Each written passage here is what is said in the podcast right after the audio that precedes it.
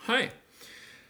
Du, jeg satt og skrev litt om ei bok jeg nettopp har lest i dag, og så tenkte jeg at jeg kanskje like godt kunne lage en episode på det. Det vil jo hjelpe meg å bedre huske det jeg har lest, og det kan kanskje trigge nysgjerrigheten til noen av de som hører på, sånn at de òg vil lese boka. Hva tror du om det? Dette er ikke noe fullt sammendrag av alt som boka inneholder, men et eh, utdrag av poeng og eksempler som jeg har notert meg underveis mens jeg leste.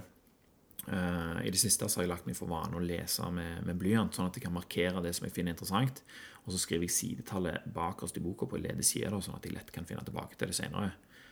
Dette var ikke min idé, men jeg likte iallfall Jeg har i hvert fall likt veldig godt å gjøre det. Og kanskje det er en idé for deg òg. Så dette er altså noen av de tingene jeg markerte, pluss litt om hva selve boka handler om. da. Og Boka den heter The Undoing Project og er skrevet av Michael Lewis.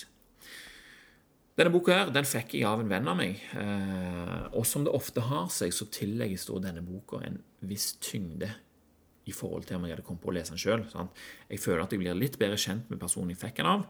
Og når jeg leser noe som jeg liker, eller noe som får meg til å se noe i, annet, i et annet lys, så setter jeg pris på at eh, den personen jeg fikk boka av, ønsker at jeg òg skulle få vite dette. her. Så tusen takk til deg, Filippo, for at du tenkte at dette var en bok jeg ville like. Det hadde du rett i. The Undoing Project handler om Daniel Kahneman og Amos Tversky.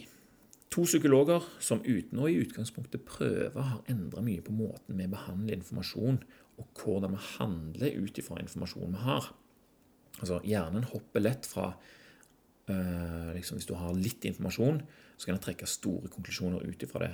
Da blir det lett å få bevisene til å passe til teorien, istedenfor å få teorien til å passe til bevisene. Sant? Altså, du har en teori, og så finner du masse beviser som passer til den, istedenfor at du finner masse beviser, og så prøver du å lage en teori ut ifra det. Det er det stor forskjell på. Eh, og den første der, den kan jo gi grunnlag for store følgefeil og kraftige, etablerte sannheter som, som slettes ikke stemmer. Hjernen vår er ikke et perfekt organ eh, som behandler all informasjon logisk og rasjonelt. Sant? Det er lett å tenke at hjernen vår har rett, siden det er den mest velutvikla hjernen på planeten. Men det er like lett å glemme at den fremdeles er under utvikling. Sant? Samfunnet og hva hjernen må forholde seg til, forandrer seg enormt raskt. Og det vil jo være latterlig ut ifra at hjernen vår klarer å holde tritt med dette her. Sant? Vi må jo bare bruke den så godt vi kan i det miljøet vi befinner oss i nå. Hjernen er veldig god til å sette sammen to og to ut ifra den informasjonen han har. Han opparbeider seg eh, erfaringer og overbevisninger underveis som han da er i til å bruke. Men det som Tversky og Kahneman nøster opp i gjennom sitt arbeid, er hvor forutsigbart hjernen behandler den informasjonen, og da tar eh, feilbeslutninger. Sant? Eksperter, leger og advokater og alt gjør dette like ofte som helt vanlige folk. Eh, altså De tar det de har, og så trekker de konklusjoner ut ifra det. Dette var jo i strid med tanken om at eh, mennesker var gode til å tenke rasjonelt og statistisk, og at eh, f.eks. en lege som har studert noe i veldig mange år, at han var eh, ekstremt god til å ta mye bedre avgjørelser pga. det. Han var like utsatt for å gjøre sånne latterlige feil som helt andre vanlige folk. Så forsøk og eksempler utført eh, av Tversky og Kahneman skulle da bevise at det ikke var så enkelt. At du bare kunne øve deg. sant? Du, ja, du begikk fremdeles veldig mange feil. Og Gjennom sine erfaringer så oppdager de at det var mulig å lage systemer for å forbedre en beslutningsprosess ved å fjerne disse her menneskelige forutsetningene fra selve prosessen. For eksempel da, hvis du har et jobbintervju, så sitter du der og skal intervjue en kar, så kommer han inn, og så kan liksom fremtoningen av denne personen her minne om en annen person som du kjenner fra før av. Og da vil personen som intervjuer da er jo han utsatt for å tilegne denne nye personen de samme egenskapene som personen har minner om. Eh, og Det samme kan jo gjelde for intervjuobjektet. Han kan se på seg selv som flink på et område fordi at eh, kanskje en annen har sagt han, ja, du er jo alltid så flink til dette. her, vet du. Så kommer han inn da sånn, ja, kan du si noe om deg selv? Ja, jeg er veldig flink til bla, bla, bla, sier han det intervjuet. da. Og da går begge ut ifra at han er flink til det. Og dermed vil kanskje, siden han, er, vet, eller, siden han tror at han er flink til det, da, så vil kanskje han ikke jobbe så hardt for å bli bedre på dette her. Og arbeidsgiveren vil heller ikke ha noen grunn til å kreve at han forbedrer seg, fordi begge to går ut ifra at han faktisk er god. Desto mer tilgjengelig en egen erfaring er, desto enklere er det for denne personen å trekke dette fram og få det til å passe i nye scenarioer. En faktaopplysning eller hendelse som er spesielt logisk, eh, noe som en har opplevd nylig, eller bare noe en har tenkt på, vil enkelt bli dratt fram og veid uproporsjonalt i en person sin avgjørelser. Eksempel hvis noen eh, eksempel så vil noen kjøre ekstra forsiktig etter de har sett ei bilulykke. Det kjenner jeg iallfall meg sjøl igjen i. Sjansen for å havne i bilulykke er jo ikke større fordi du har sett ulykka, men det kan oppleves som om det er sånn pga. beviset som nettopp ble lagt fram. Altså pga. du så ulykka, så bare oh, Da flyttes tanken om bilulykker lenger fram i bevisstheten, og er da i stand til å påvirke flere avgjørelser for den personen som har opplevd dette. her. Plutselig blir bilbelte og fartsgrense og mobiltelefon mye viktigere enn før du så denne ulykka. Og sånt går det an å tenke om nesten absolutt alt. Nesten absolutt. Det var jo en festlig måte å si det på. Men du forstår poenget. Et annet eksempel viste at om du plasserte folk sine hender i isvann i tre minutter, og så økte du temperaturen, temperaturen bitte litt i et ekstra minutt på slutten, så ville folk huske det som en mer behagelig opplevelse enn om du bare hadde hendene i isvann i tre minutter og tok det ut. Eh, folk foretrakk en lengre totalsmerte så lenge eksperimentet avslutta mer behagelig enn eksperimentet som varte kortere, men som ble avslutta på, på, et mer smertefullt tidspunkt. Hva kunne være et medisinsk eksempel fra den virkelige verden som viste dette, som hadde liksom en praktiske anvendeligheter på dette som Kahneman kalte for peak end rule? Koloskopi ble løsningen. I 1990, i 1990 drepte endetarmskreft eh, ca. 60 000 amerikanere i året og mange av disse hadde overlevd om kreften hadde blitt oppdaga på et tidlig tidspunkt. Men folk grua seg til å gå til en ny undersøkelse fordi den første undersøkelsen var så ubehagelig. Var det mulig å endre hvordan undersøkelsen ble utført, sånn at pasientene lettere kunne glemme hvor ubehagelig den faktisk var? Et eksperiment på over 700 personer gjennom ett år ble utført, og ei gruppe på um, mm, Unnskyld. Uh, en gruppe fikk koloskopet røska ut på vanlig måte, mens en annen gruppe fikk beholde koloskopet. liksom Du dro den ut, og så lå den der og pirka litt i endetarmsåpningen i ekstra tre minutter. Dette var jo visstnok da ikke behagelig, men det var bare mindre ubehagelig enn den andre, mer brutale metoden. Selv om den totale smerten varte lenger i eksempel nummer to, viste det seg at disse pasientene hadde en mye lavere terskel for å utføre nok en koloskopi når tiden kom. Sant? Altså Dette er jo sånn som du skal gjøre innimellom sånt, hvert andre år, eller hva det er for noe. Akkurat som brystkreft.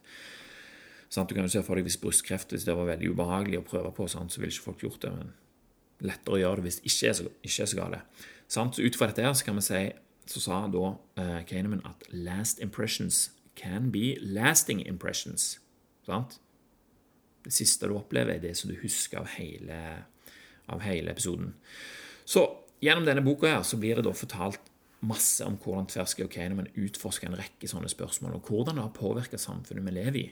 Kahneman han fikk jo Nobelprisen i økonomi i 2002, til tross for at han er psykolog. Og Det viser jo hvor anvendelig arbeidet deres er for andre fagfelt, altså økonomi, medisin, sport, krigføring, politikk, forskning, lovendring, og alle har latt seg påvirke av det arbeidet de har gjort. Og det fortsetter å gjøre det. Disse her begynte å jeg tror eh, Daniel Kahneman han begynte å jobbe med dette sånn rett etter krigen for å hjelpe eh, det israelske forsvaret å finne ut hva slags personer som passet til å være leder, og hvem som passet til å fly, og hvem som passet til å kjøre tanks og sånne ting. Så, så dette er noe som de har jobbet med i, eh, i over 50 år, liksom. Eh, men sakte, men sikkert ble mer og mer etablert etter hvert som tida gikk. Og nå er det liksom en helt vanlig del av hverdagen vår, faktisk. Og det er litt nyttig å vite. Så det jeg vil si da, er at denne boka her var absolutt verdt den tidsmessige investeringen. Og er et eksempel på en bok som gir meg innblikk i et felt som jeg ønsker å fordype meg mer i. Sant? Dette snakket jeg om i forrige episode. Det er ikke alle. Du kan jo lese litt i en bok, og så Nei, dette var ikke så interessant, liksom. Men denne boka, når jeg begynte å lese den, så var den bare helt altoppslukende med en gang. Og leste den ut på 1, 2, 3. Tilfeldighetene ville òg ha det sånn at den samme dagen jeg var ferdig med å lese denne boka, her, så fikk jeg en ny bunke med bøker i posten. Og blant de bøkene var òg 'Thinking Fast and Slow' av nettopp Daniel Kahneman. Jeg visste ikke at The Undoing Project handla om Kahneman når jeg begynte å lese han, og jeg visste heller ikke at det var han som hadde skrevet 'Thinking Fast and Slow' når jeg bestilte han. Nå vet jeg masse om forfatteren før jeg begynner å lese hans egen bok. Det liker jeg veldig godt. Og denne tilfeldigheten her, den vil jeg lure hjernen min til å tro at var mer enn bare en tilfeldighet. Jeg vil tillegge tilfeldigheten ekstra tyngde når jeg leser Thinking Fast and Slow, selv om jeg nettopp har lært at det er sånne feil hjernen ofte gjør når vi nylig har opplevd noe som gir mening. Som Amos Tversky sier så fint People accept any explanation as long as it fits the facts. Og jeg ser fram til å lære mer om dette her i både Thinking Fast and Slow og andre bøker. Og helt på slutten her så vil jeg bare lese opp noen av de setningene som jeg hadde strekt unna uh, i boka mens jeg leste, som jeg syns er verdt å tenke på nå. Dette er bare noen av de, det er mange flere å ta av. Men hvis du finner disse interessante, så vil jeg påstå at du òg finner boka interessant. Så jeg prøver å lese dette på engelsk, da, så får du bare bære med meg. People predict by making up stories. People predict very little and explain everything. People believe they can predict the future if they work hard enough. People accept any explanation as long as it fits the facts. People often work hard to obtain information they already have and avoid new knowledge. People do not appear to follow the calculus of chance or the statistical theory of prediction. Instead, they rely on a limited number of heuristics and which sometimes yield reasonable judgment and sometimes lead to severe systematic errors. He who sees the past as surprise free is bound to have a future full of surprises. People pay an enormous price to avoid mild embarrassment. Den likte jeg spesielt godt. Det var en sånn leveregel fra Amos Tverske sjøl, det. Sant? Altså, People pay an enormous price to avoid mild embarrassment. Den skal jeg ta med i mitt liv. altså. Kanskje det vil hjelpe meg til å ikke være så flau når jeg gjør ting litt annerledes. eller et eller annet sånt. The difference between being very smart and very foolish is often very small. When they make decisions, people did not seek to maximize utility, they sought to minimize regret. Og så kommer en skikkelig fin på slutten her. We often decide that an outcome is extremely unlikely or impossible because we are unable to imagine any chain of event that would cause it to occur. Og her er det jo bare til å referere til Donald Trump, da, et glimrende eksempel på dette. Det var jo en umulig tanke for mange av eh, at en serie hendelser kunne føre til at han ble president. Allikevel så ble han det. Og plutselig så ble det òg veldig lett å se hva som hadde ført til at han ble det. Håper du fant dette her nyttig. Boka den heter altså The Undoing Project og er skreven av Michael Lewis. Om du kommer over noe i ditt eget liv som passer til det du nettopp har hørt, så er det vel verdt å tenke over det. Det er ikke godt å si hva fordeler du kan dra ut av det, vet du. Men husk, dette her er bare litt av det som står i denne boka. Ikke gå rundt og tro nå at du vet alt som står igjen, og at du ikke trenger å lese den sjøl. Som det står i boka, litt informasjon kan lede til store konklusjoner, og de er ikke alltid korrekte. Så det var det. Undoing Project av eh, Michael Lewis. Eh, si gjerne ifra om du syns dette her var en grei episode, om du kunne tenke deg flere sånne. Jeg kan godt lage flere episoder av de andre bøkene jeg leser, hvis, eh, hvis det er noe som folk liker.